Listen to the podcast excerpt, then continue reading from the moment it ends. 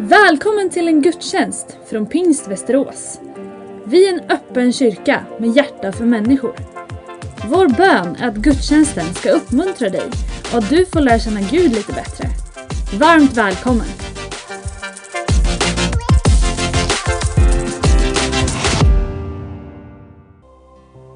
Varsågoda och sitt ner och än en gång välkommen till Pingstkyrkan denna påskdags gudstjänst. Om du är här i rummet, jättehärligt att se er alla här. Eller om du är där och följer vår sändning live eller i efterhand. Det här är ju den stora dagen, den dagen som markerade hela kyrkans tradition och vana att samlas på söndagar, att han är uppstånden, att han lever idag. Det är en god rytm och en god grund som vi har att var sjunde dag komma ihåg detta, påminna sig om detta. Han var död men han lever idag. Jag hoppas du kan känna tacksamhet i hjärtat över det vackra vädret, att få träffa några andra människor kanske. Att det finns eh, så här godis och ägg och sill att äta och påskmust att dricka kanske. Men framförallt kunna känna hjärtats glädje och själens glädje att Gud bryr sig. Det finns förlåtelse för dina synder och mina synder. Och de är många, i alla fall mina. Det finns upprättelse för allt som har fallit och brustit. Det, det finns i honom. Jag hoppas du kan känna tacksamhet över detta. Det är inte kört, det är inte över. Påskdagens morgon bevisade med all tydlighet att det är aldrig någonsin kört. Det är inte över. Det finns nya möjligheter för Jesus är uppstånden. Ja, nåväl, det har ju debatterats mycket och funderats över, har det verkligen skett? Är det en historisk händelse eller är det på sin höjd en vacker berättelse? Det finns ju skrönor om att man tog hans kropp upp till Kashmir och eh, i den tidiga historien så fanns det ganska många krafter som ville liksom förminska den här händelsen. Men ett av de stora bevisen är ju ändå det som hände i den tidiga kyrkans historia och det är ju bevisat i många skrifter utanför de nytestamentliga. Det var som att det gick inte att stoppa den tidiga kyrkan. Du kunde inte få tyst på dem. Du kunde inte få dem att låta bli att i varenda predikan i Apostlagärningarna och i många ställen där vi har det i kyrkohistorien så var den tidiga kyrkans berättelse egentligen ett och detsamma. Honom har Gud uppväckt från de döda. Ingen ska övertyga mig om att 11 lärjungar och 120 över salen på pingstdagen, 500 som hade sett honom uppstånden som Paulus skriver om, de här som blir den här tidiga kyrkans rörelse och ledarskap, alla de berättar om att han lever, vi har sett honom, vi har mött honom, det är på riktigt att Jesus lever. Så den tidiga kyrkans rörelse och effekt och budskap är så gott som mycket annat ett fantastiskt budskap om att det måste nog ändå ha hänt det där. Det finns en parallellhistoria som jag har berättat många gånger och flera av er har läst från 1970-talet som knyter an till det här. I USA då så fanns det en, en, problematik runt den dåvarande presidenten och en journalist eh, kallad Deep Throat eller en källa och en journalist och det blev i alla fall det som heter Watergate. Det var en stor eh, händelse och eh, det skakade USA. Presidenten hade tolv nära män närmsta rådgivare och medarbetare. En av dem, Chuck Colson, Charles Colson, han är, blev så småningom predikant. Han kastades i fängelse. när han sitter i fängelse på grund av sin, eh, sin bakgrund och det han har varit med, så kommer den här berättelsen till honom om de tolv lärjungarna. Och han konstaterar, vi var tolv av Amerikas mest välutbildade, mest kanske då skarpa hjärnor med kontaktnät och förmågor och vi kunde inte hålla ihop en lögn. Det måste vara sant på riktigt. Aldrig i livet att de skulle ha gett sitt liv för en lögn.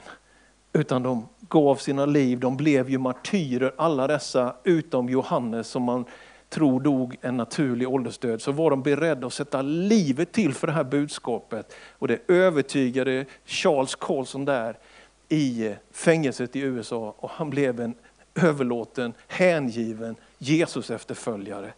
Jag tror, med de bibliska berättelserna, med effekten i den tidiga kyrkans historia och kanske också ditt och mitt eget vittnesbörd, att vi faktiskt har mött honom. Vi har hört hans röst och vi har tagit emot hans bönesvar. Han har hjälpt oss, han har varit trofast. Jag tror att vi tillsammans med hela Guds kyrka över världen den här tiden, tidigare i den västliga än i den östliga kyrkan, men ändå firar påsken och att vi kan säga, han var död men han lever och han lever för alltid. Halleluja! Ska vi säga tack Jesus över Pingstkyrkan idag? Att han lever idag. Han är uppstånden. Ja, men vi har ägnat oss åt Markus evangeliet under den här påsktiden fram tills idag. Och så har vi då hört de här sista verserna i den avslutningen av det äldsta av de fyra evangelierna. Och jag ska skynda mig och ge en disclaimer här och säga att det här är faktiskt en text som är lite omdiskuterad. Den finns inte med i de allra äldsta handskrifterna men den finns i tidiga handskrifter. Och den är inte omdebatterad för att den skulle innehålla något konstigt i första hand, eller det finns alltid kritiker till Bibeln. Men den är just på grund av sin datering så finns det en del sådana frågetecken. Men i väldigt många handskrifter så finns den med och den finns med i våra svenska biblar. Och vi läser det med förtroende. Så har vi den här berättelsen då som visar hur de här som möter honom berättar men inte blir trodda. Vi hör om Maria Magdalena eller Maria från Magdala. Den här kvinnan med det brokiga förflutna, med den här erfarenheten utav att själv ha varit en del av det som kyrkan fick som uppdrag. Hon hade varit besatt av onda andar och kyrkan fick som uppdrag att vara med och befria människor från orena andar. Hon var ett personligt exempel på hur hon hade lärt känna Jesus och hur han hade tagit henne till sig och gett henne frihet. Men när hon berättar om att Jesus hade uppstått så vart hon inte trodd. Sedan är det två andra, och vi känner dem från några av de andra evangelierna som Emmausvandrarna. Det står i Nya Testamentet att han visade sig för två av de andra i annan skepnad, står det i vår text. Och det är först när de ligger till bords som de ser att det är han. Innan när de här två berättar om sin erfarenhet, där de själva har vandrat och legat till bords med Jesus och sen berättar, så tror inte de andra lärjungarna på att det har skett. Det är konstigt, kära vänner, kyrkerotter fler än mig i det här rummet. Ibland är det vi troende som har svårast att tro. Det är vi ibland som inte riktigt kan se det här mitt framför våra ögon. Maria från, Maria från Magdala berättade och de här två Emmausvandrarna berättade. Men lärjungarna de trodde inte på det. Icke, sa Nicke, står det inte i Nya Testamentet det jag sa just nu. Att de skulle tro på något sånt. Och ändå hade de sett honom stilla stormar för mera bröd och fisk. De hade varit med till och med utanför Jerusalem, där i Betania, när Lazarus blev uppväckt från döden. Men de trodde ändå inte. Så om du känner, ja det är abstrakt det här med kristen tro, mirakel, tecken under Gud, så är du väl i ganska gott sällskap. Du behöver inte liksom tvinga dig till den där liksom mirakeltron, men du kan ändå öppna ditt hjärta för att det finns någonting som kanske är på riktigt och är en verklig verklighet också i, vad ska vi säga, det andliga, det övernaturliga. Det där som ingen kan fånga och kontrollera men som ändå kan tas emot. Ja, de elva de ligger till bords i alla fall och till slut står det i vers 14. Till slut visade han sig för de elva när de låg till bords och han klandrar dem för deras otro och deras hårda hjärta.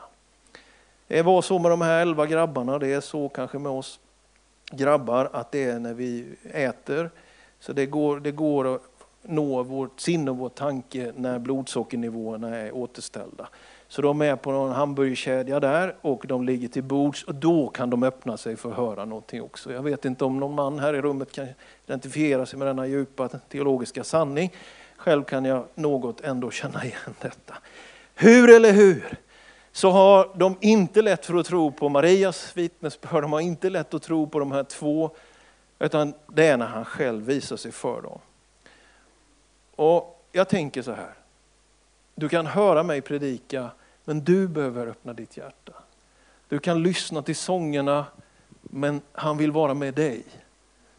Du kan vara en del i kyrkan, vi hjälper varandra. Det finns människor som ber när inte jag eller du orkar be, det är det fina med kyrkan. Men någonstans ändå så behöver det få bli så som det blev för Thomas.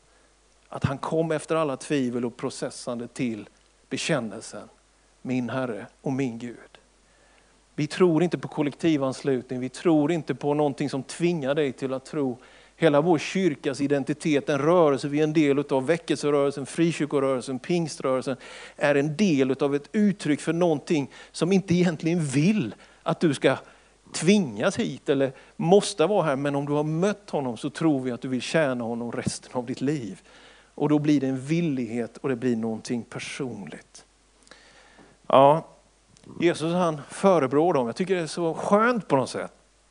Att Jesus, i, nu har vi ju det i koncentrat i de här verserna, men han i ena versen kritiserar dem för att de inte kan tro. Och sen i nästa vers så säger han, men ni ska gå ut och predika för alla andra. Det är lite så här dubbelt liksom. Och du vet att ja, pastor, jag, till och med, jag har fått på mig slipsen, jag tänkte det är ju påskdagen i alla fall. Jag får ta någon gång per år, första advent och annat. Och jag får sällan så mycket beröm för predikningarna som ni har slips på mig. Så jag tänkte att idag jag måste, jag måste, jag måste ändå hjälpa det här på traven lite grann. Nej, men det jag vill komma till att säga är så här. Att vara predikant, att vara lovsångare. Du vet man kan känna sig svag så många gånger. Alla ens egna frestelser, alla misslyckanden, allt man har gjort fel. Och så ska man tjäna Gud. Va? Och inte minst var det ju tydligt när man hade små barn och få upp dem och i med maten och på och iväg. Det hann ju bli ett och annat liksom friktionsläge innan man var framme i det här fromma läget liksom, i kyrkan. Jag har varit med om det, jag vet vad det är. Och jag känner det av och till ibland. Liksom. Fortfarande så är det ju. Och ibland kan vi, som bara att gå till kyrkan, man kan känna sig lite så här hycklande och därför stannar en del hemma när de brottas med något som är jobbigt i livet. Man kanske inte mår bra eller saker man inte tar sig ur. Saker man är besviken på både i sig själv och i andra. Idag tycker jag att berättelsen om uppståndelsen är ett hoppfullt budskap till oss alla stackare att även hur vi känner oss så är han densamme. Liksom. Att även om vi är svaga så är han stark och även om vi inte får ihop det så kan vi lita på honom. Och det är inte bara så att det stannar vid någon slags tro och uppfattning, utan han vill använda dig. Han vill att ditt liv ska ha syfte. Han har skapat dig för stora saker. Och ingen ska trycka ner dig. Varken vi till varandra eller några krafter. Utan påskdagens morgon är det där beviset på att det gå, det är inte kört, det kan bli en comeback, det är inte över.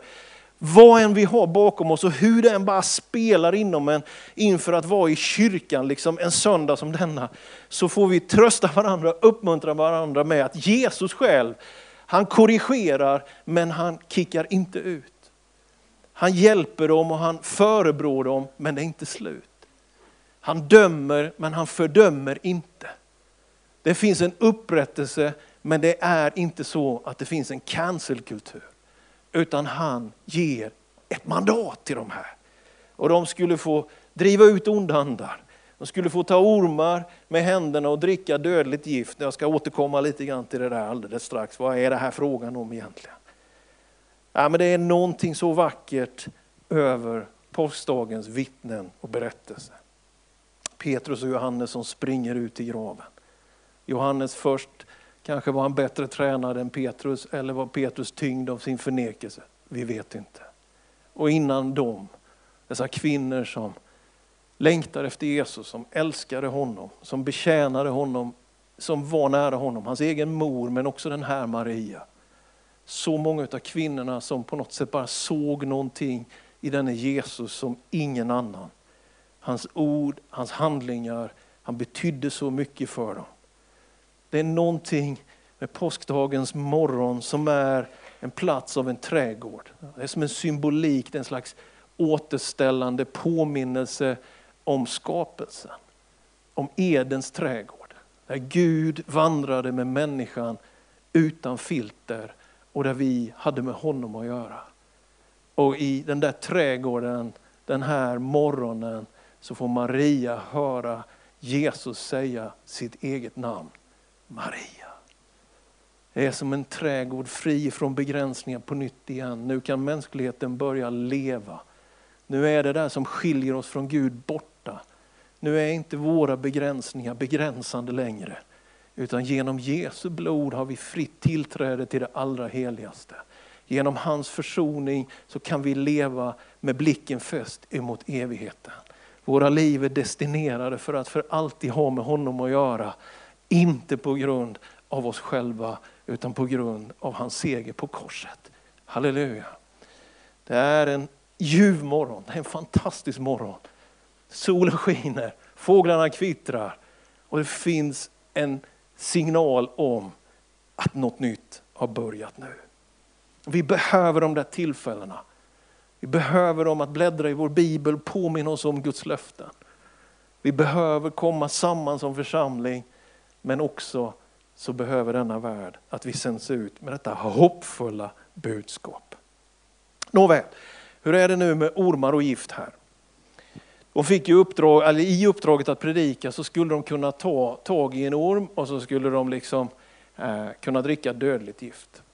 Jag minns en gång när jag var liten grabb och vi var och rev i några buskar hemma i byn och körde cyklar och grejer. Och helt plötsligt blev en av mina kompisar, han blev precis knäpptyst och sen drog han bara.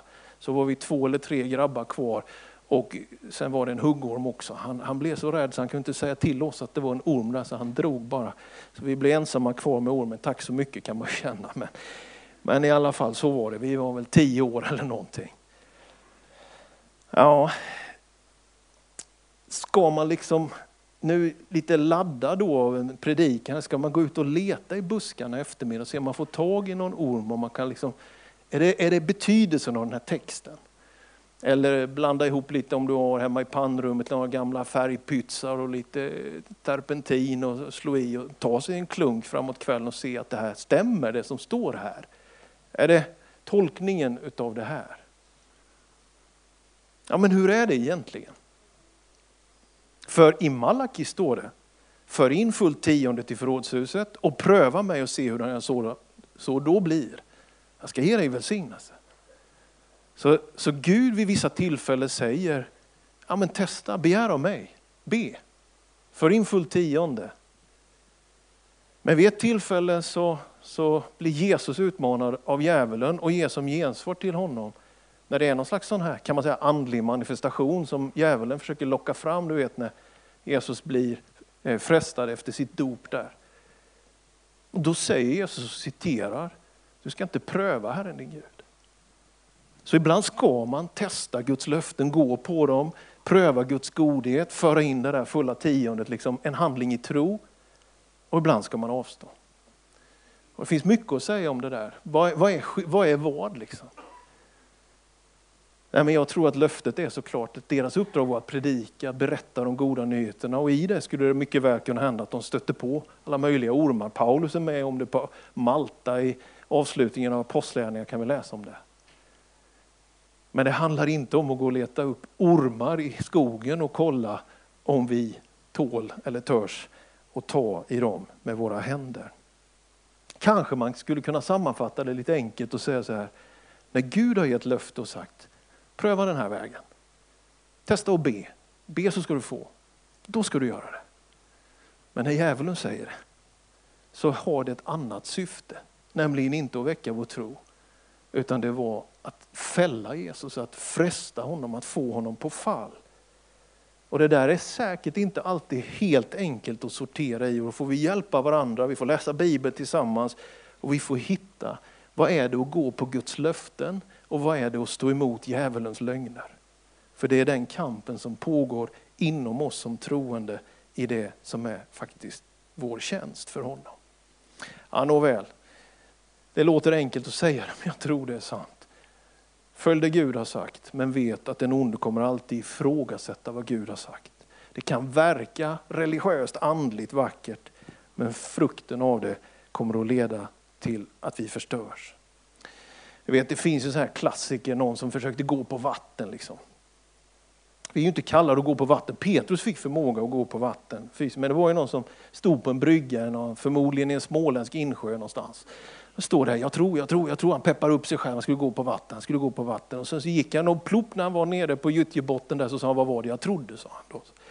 Så det finns ju den här liksom risken att vi missförstår, vad är, vad är, vad är det som vad är Guds löften liksom, och vad, vad syftar det till? Det här är liksom inte en godisautomat för andliga kickar. Det är inte någonting som är vidskepligt i någon slags tekniker. Utan Guds syfte är att den här världen ska bli frälst. och ta emot goda nyheter. Och när det sker, att kyrkan är frimodig i rörelse, då händer det en massa saker. Och då ska han beskydda dig ifrån ormar, ifrån dödligt gift. Och mirakel och tecken ska ske. De ska lägga händerna på sjuka och de ska bli friska. Jesu namn. Vi hörde ett gott exempel här bara för någon vecka sedan om hur Gud grep in och gjorde ett under precis mitt i församlingen här. Ja, nåväl, det är inte så att när de här underna sker omkring Jesus och så som att alla då per definition blir wow, kommer till tro.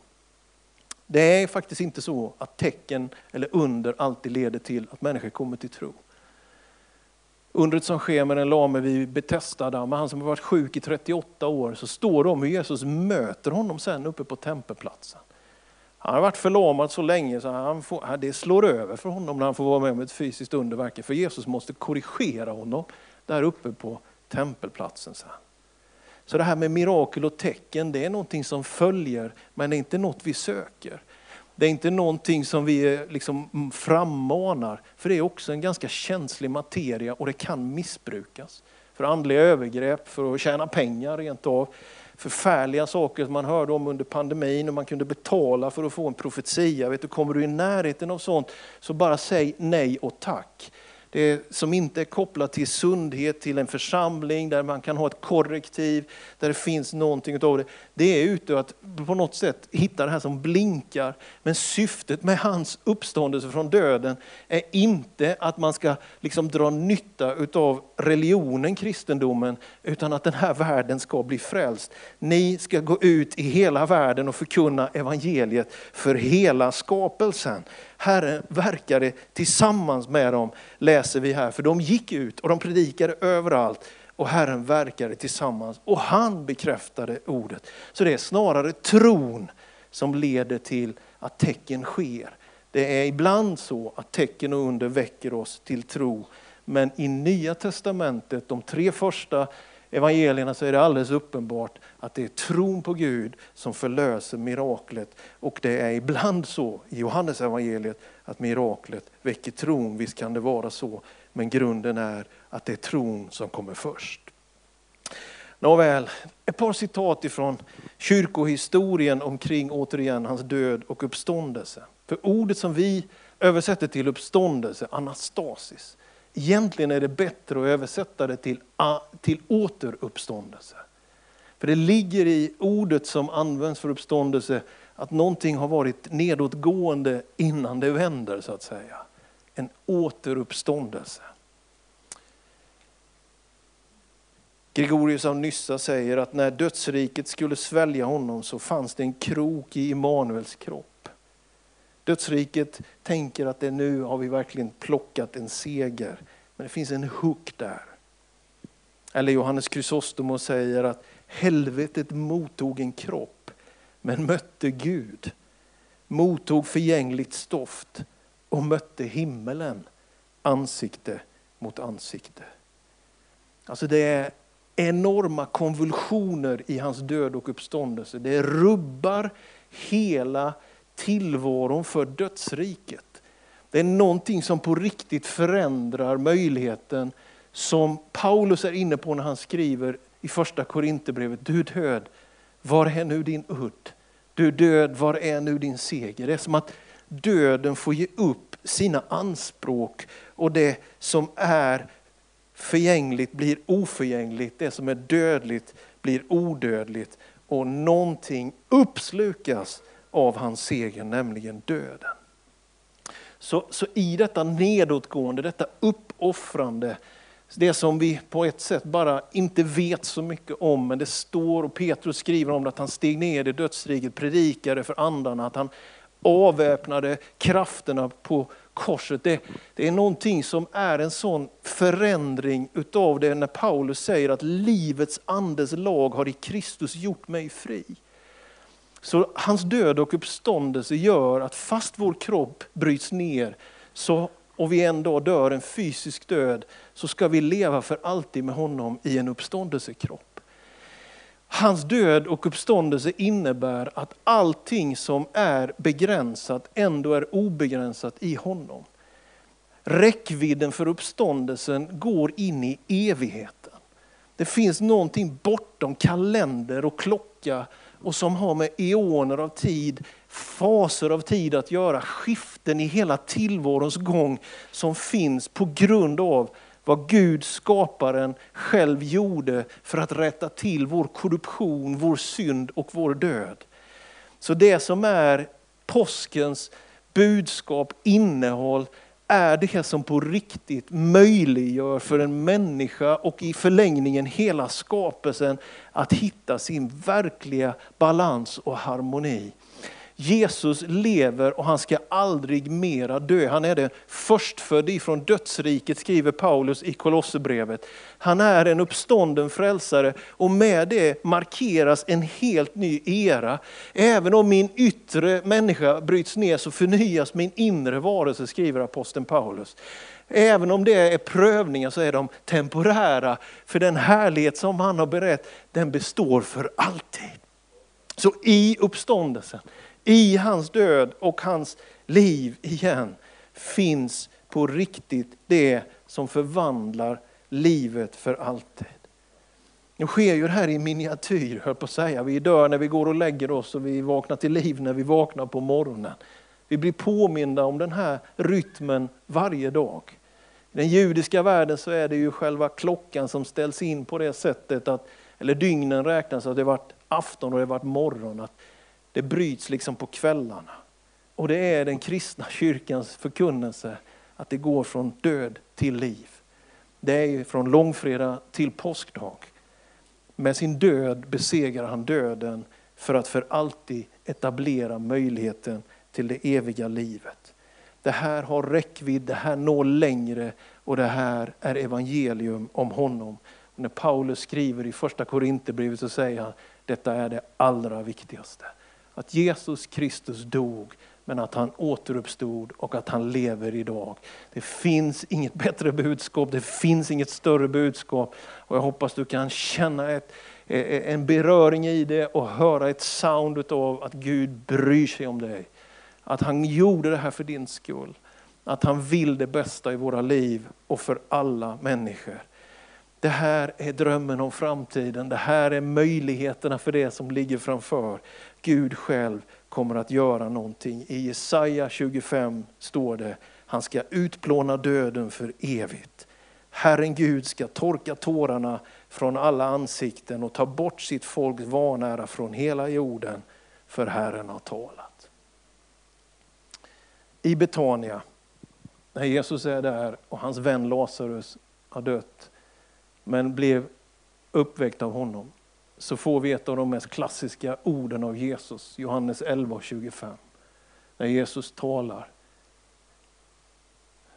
I Betania så säger han, jag är uppståndelsen och livet. Den som tror på mig ska leva om han än dör. Jag är uppståndelsen och livet. Den som tror på mig ska leva om han än dör. Jag vet inte om du tror på kyrkan och tror på samhället och politikerna. Jag tror på pastorn. Det är, inte, det, är, det är inte det det handlar om. Men du och jag tillsammans, vi kan tro på Jesus. Vi kan sätta vårt hopp till Guds son. Vi kan lita på honom. Vi kan veta att han ska bära oss hela vägen. När du känner dig ensam så är du inte ensam. Han är med dig. När du känner att du har misslyckats så är det inget problem för honom. Han är expert på att förlåta synder. När du känner att du är svag så ger han helig ande och styrka. Han ska vara med dig i allt, genom allt, trots allt. Vårt frimodiga hopp är riktat till Jesus Kristus. Att han lever idag och att han kommer att ta hand om oss in i det som är evigheten. Han som är uppståndelsen och livet. Amen. Ska vi stå upp tillsammans? Så ber vi och du ska få möjlighet att få personlig förbön också i den här, förbön, i den här bönen. Vi har eh, riggat om lite grann här i kyrkan så vi har vår förbönsplats framme till höger här nu. Det är lite mer rymligt. Och våra förebedjare kommer ställa sig där nu och ta emot dig när du kommer till dem om du känner att du vill att någon lägger sin hand på dig och ber med dig och vägleder dig innan, innan det, ja du får redan nu gå dit om du vill. Eh, men innan det så vill jag ut över salen här och ut på nätet också ställa den frågan om du finns här som vill tro på Jesus. Du vill ta emot honom i ditt liv idag. Du vill bli en kristen och vill börja följa honom. Du kanske har en bakgrund som Maria eller som de två vandrarna till Emmaus. Eller, eller så stämmer inte ditt liv in, tycker du, på någon annans berättelse. Men vem du än är så gav han sitt liv för dig. Och idag kan du bli frälst. Idag kan du ge ditt liv till Jesus. Han förlåter synder, han ger dig hopp om evigheten. Och det finns en sån glädje från Guds sida. Det finns ingen fördömelse, det finns förlåtelse. Så du kan räcka din hand nu om du vill ta emot Jesus. Bli en kristen idag, fatta ett beslut. Kan du göra det just nu? Det är möjligt att jag ser det, eller så ser jag det inte. Det är ju inte det mest avgörande att jag ser det, men det är viktigt att du får ta ditt beslut. Jag har sett i alla fall en hand uppe på läktaren. Gud ser dig och Gud välsignar dig. Finns det någon mer? Kan du räcka din hand också. Ja, tack Jesus för vad du gör just nu. Tack Herre för påsken. Tack att vi får fira den, påminnas om vad du har gjort för oss Herre. Tack för den glädje som ändå bröt igenom till denna förvirrade lärjungaskara till slut. Att du hjälpte dem, att du vägleder dem Herre. Tack att du gör det också idag. Tack för människor här och nu som fattar beslut. Tack att du förlåter synder och du ger ett nytt liv Herre. Tack att du är frälsaren, du är den som räddar. Jesus, tack att du lever idag Herre. Tack att det gäller mitt i allt som är så struligt för oss och svagt för oss Herre. Vi snubblar gång efter gång. Men du ger oss ännu en chans du aldrig ger upp på någon enda av oss, Herre. Utan du ger och du ger och du ger och du hjälper. Det finns en nåd som räcker längre. Vi tackar dig för det. I Jesu namn. Kommer vi sjunga tillsammans och så är du så välkommen om du vill komma ner från läktaren eller gå här från salen. Så ber de för dig. Om du är sjuk så tror vi att han kan röra vid din kropp. Du kanske behöver vägledning i något beslut. Så varför inte låta någon be för dig? Kanske du är i en situation i ditt privatliv, kanske din ekonomi, din boendesituation, vad det än är. Liksom, vi kan ju be tillsammans. Det skadar inte, utan det hjälper. Så välkommen att sjunga med, välkommen att ta emot förbön. Om en liten stund ska vi också be för alla bönämnen som har kommit in. Stå upp och sitt ner som du känner du orkar med här i salen. Du har lyssnat på en gudstjänst från Pingst Västerås. Har du frågor om församlingen eller vill veta mer om kristen tro kan du gå in på vår hemsida vasteras.pingst.se Varje söndag firar vi gudstjänst tillsammans klockan 10.30. Välkommen att vara med via webben. Sök efter vår Youtube-kanal Pingst Västerås så hittar du livesändningen.